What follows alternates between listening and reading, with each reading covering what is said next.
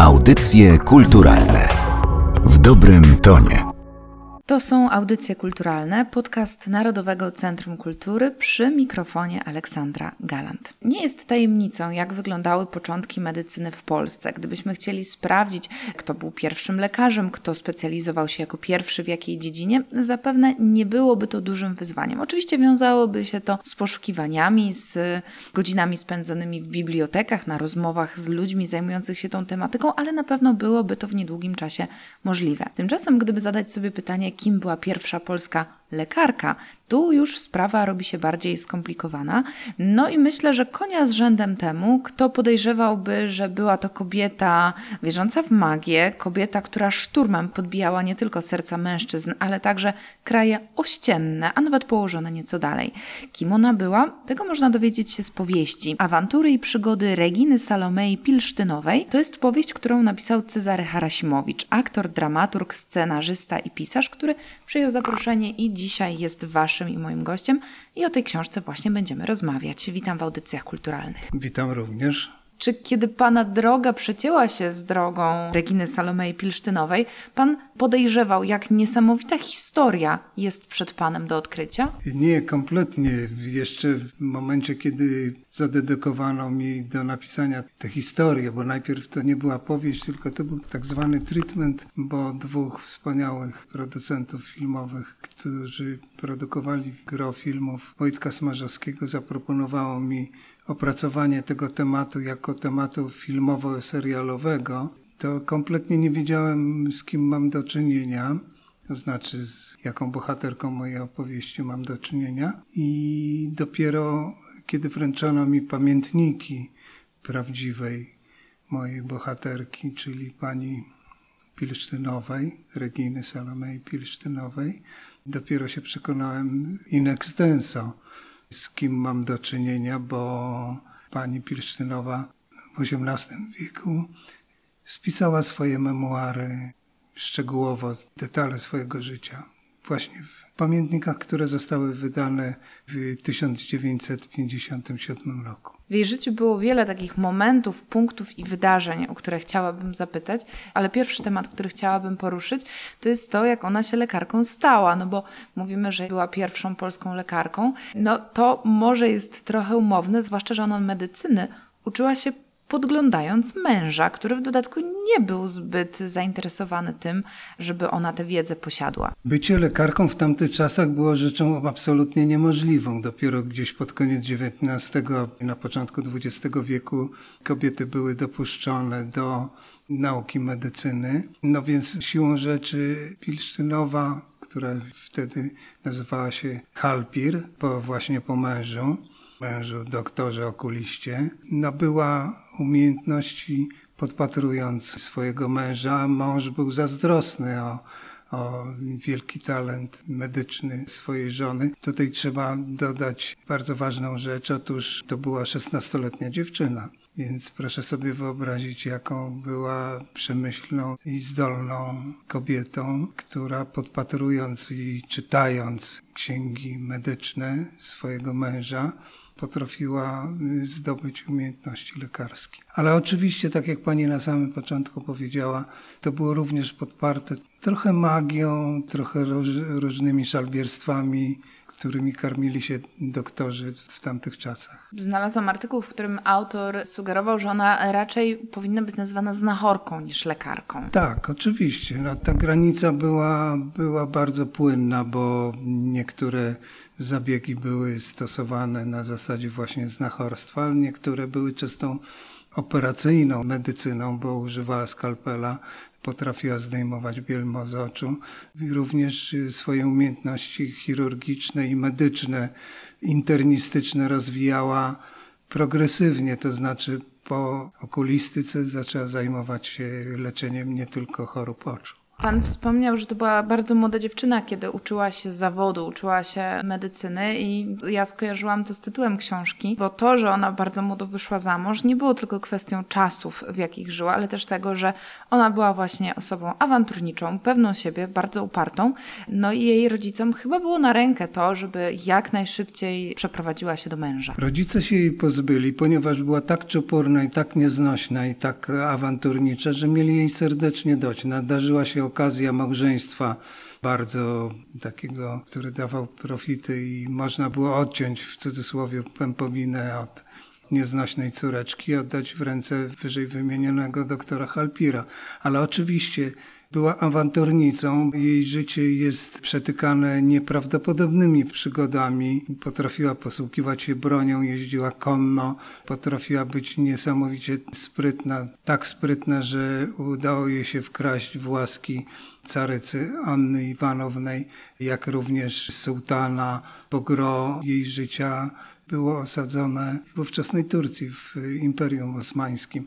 No, była lekarką na dworze sułtana, jak również obsługiwała, leczyła chorysy z jego haremu. Nieprawdopodobnie kolorowa, barwna, taka iskrząca się różnymi cechami charakteru, nie tylko pozytywnymi postać. Mówimy o tej postaci w kontekście historycznym, natomiast w powieści, którą pan napisał, ta wielka historia, która dzieje się w tle, no właśnie pozostaje tylko tłem, bo przecież mówimy o XVIII wieku. To jest czas, kiedy w Polsce nadchodzą ogromne zmiany i przemiany i właściwie trzęsie się cała Europa. Tutaj trzeba dodać, ponieważ wymieniłem Imperium Osmańskie w owym czasie przez niezbyt długi okres czasu, ale mieliśmy bardzo dobre stosunki z Turcją. Dlatego Regina zamarzyła sobie, żeby, żeby związać się z Imperium Osmańskim, dla którego szpiegowała. Była również szpiegiem.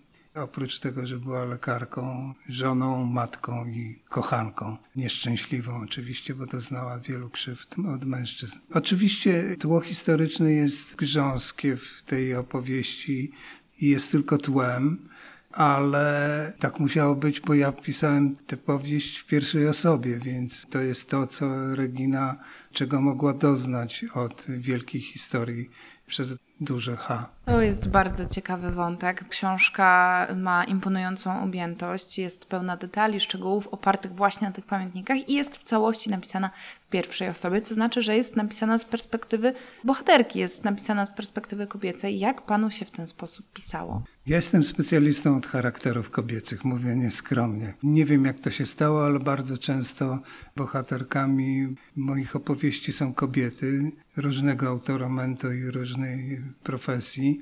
A Regina jest wyjątkową kobietą, bo jest taką protagonistką emancypacji jest y, niezależna, jest waleczna. Doznaje, tak jak powiedziałem wcześniej, krzywd głównie od mężczyzn, ale jest również taką dzisiejszym współczesnym językiem można by nazwać bizneswoman. Bardzo lubiła zarabiać pieniądze, robiła to w różnoraki sposób łącznie z tym, że była w cudzysłowie mówiąc handlarką żywym towarem.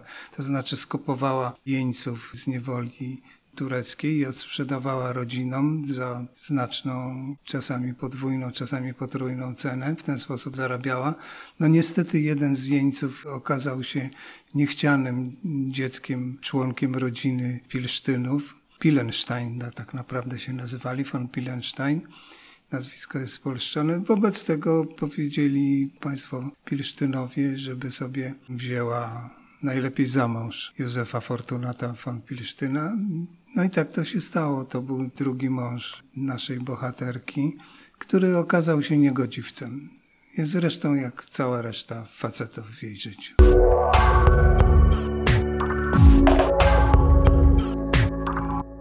To też jest chyba trudna perspektywa, jako mężczyzna przyjmować pisarską, literacką perspektywę kobiety, no i pisać właśnie o tych wszystkich nieszczęściach, które ona między innymi na polu miłości doświadczała. No tak, ale musiałem być wierny prawdzie historycznej, prawdzie psychologicznej, prawdzie zawartej w memuarach pani Reginy. No niestety tak to wyglądało. No ale oczywiście ma pani rację i czasami pisząc po prostu wyobraźnią wcielam się w duszę kobiety. Tak jak pan już powiedział, Regina miała różne pomysły na zarabianie pieniędzy. Nie wszystkie z dzisiejszej perspektywy oceniamy dobrze, jak właśnie to handlowanie żywym towarem, ale ta powieść też w pewnym momencie zamienia się w taką powieść łotrzykowską. Tak, to jest ten gatunek powieści. To jest powieść historyczna, ale przygodowa, bo ona ma aspekty psychologiczne, ale nie psychologizujemy w tej opowieści. To jest powieść przygodowa i łotrzykowska. Tak, ma pani rację. Wspomniał Pan na początku, że pierwotnie historia Reginy Salomei Pilsztynowej trafiła do Pana z myślą o stworzeniu scenariusza do filmu czy serialu. Czy w ten sposób losy bohaterki będzie Pan kontynuował? Marzyłbym o tym. Uważam, że to jest fantastyczny materiał na cudowny, bardzo popularny i bardzo intensywny serial.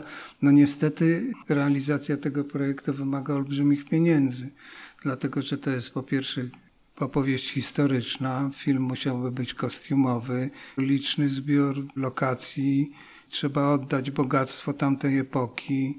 Imperium Osmańskie, gdzie spędziła większość swojej misji nasza bohaterka, to było no, bardzo bogate państwo i żeby oddać prawdę tamtych czasów, musiałaby zaistnieć prawda ekranu, czyli wysoki budżet. Coś, z czego ja się bardzo cieszę, to to, że coraz częściej odpominane są historie różnych wspaniałych kobiet, które gdzieś w tej przestrzeni historycznej nam się zagubiły, o których nie uczymy się w szkołach, o których mało do tej pory było także w kulturze popularnej. No a tutaj, czy pan miał też taką myśl, że oprócz tego, że to jest niesamowita historia, to to jest kolejna niesamowita historia kobiety, która do nas trafia? To jest wasz czas teraz. To jest czas kobiet. Naprawdę nie mówię tego rzucając słowa na wiatr. Myślę, że jeśli świat może się zmienić na lepsze, to tylko dzięki wam, dzięki kobietom. I to wcale nie jest podlizywanie się. No takim przykładem kobiety zmieniającej rzeczywistość jest życie tajemniczej, awanturniczej bohaterki mojej opowieści. To na koniec zapytam o plany na przyszłość. W związku z tym, co Pan powiedział, czy jakieś kolejne kobiety będzie Pan opisywał, będzie Pan mówił o ich losach, o ich historii? Tak, jest już gotowa powieść pod tytułem Bieta. Będzie to opowieść o niesłychanie fascynującej kobiecie, która się nazywa Elżbieta Ficowska, wdowa po wielkim naszym poecie Jerzym Ficowskim, którego rocznicę urodzin setną będziemy obchodzić w tym roku. Moja bohaterka na szczęście jest obecna w rzeczywistości, żyje, jest piękną, fascynującą kobietą. Jest to najmłodsze dziecko Holokaustu. Mówiąc w takim największym skrócie, została wyprowadzona z getta, przemycona na aryjską stronę w 1942 roku, tuż przed zagładą getta warszawskiego, zamknięta w sosnowej skrzynce, uśpiona luminalem, przeniesiona, tak jak powiedziałem, na aryjską stronę, gdzie czekało ją nowe życie, fascynujące, niesłychanie nasycone miłością, dobrocią. Zresztą będzie to opowieść głównie o wielkiej miłości, wielkiej miłości, którą Bieta Ficowska darzy cały świat, oddając tę miłość, którą została w niej zakiełkowana przez dwie kobiety, przez żydowską matkę, która zginęła mając 24 lata i matkę polską, przybraną panią Stanisławę Busoldową, która ją wychowała i otoczyła opieką, no ale przede wszystkim wielką miłością. Ta książka, czyli historia Elżbiety Ficowskiej jest jeszcze przed nami. Na razie razem z autorem zachęcamy do tego, by sięgnąć po awantury i przygody Reginy Salomei Pilsztynowej. Historię kobiety czupurnej, tego słowa pan użył, bardzo mi się ono podoba, awanturniczej, ale też pełnej niezwykłego uporu i takiej siły w dążeniu do swojego celu. Autorem tej książki jest Cezary Harasimowicz, który dzisiaj właśnie o niej opowiadał. Bardzo panu dziękuję za to spotkanie. Dziękuję bardzo. Audycje kulturalne w dobrym tonie.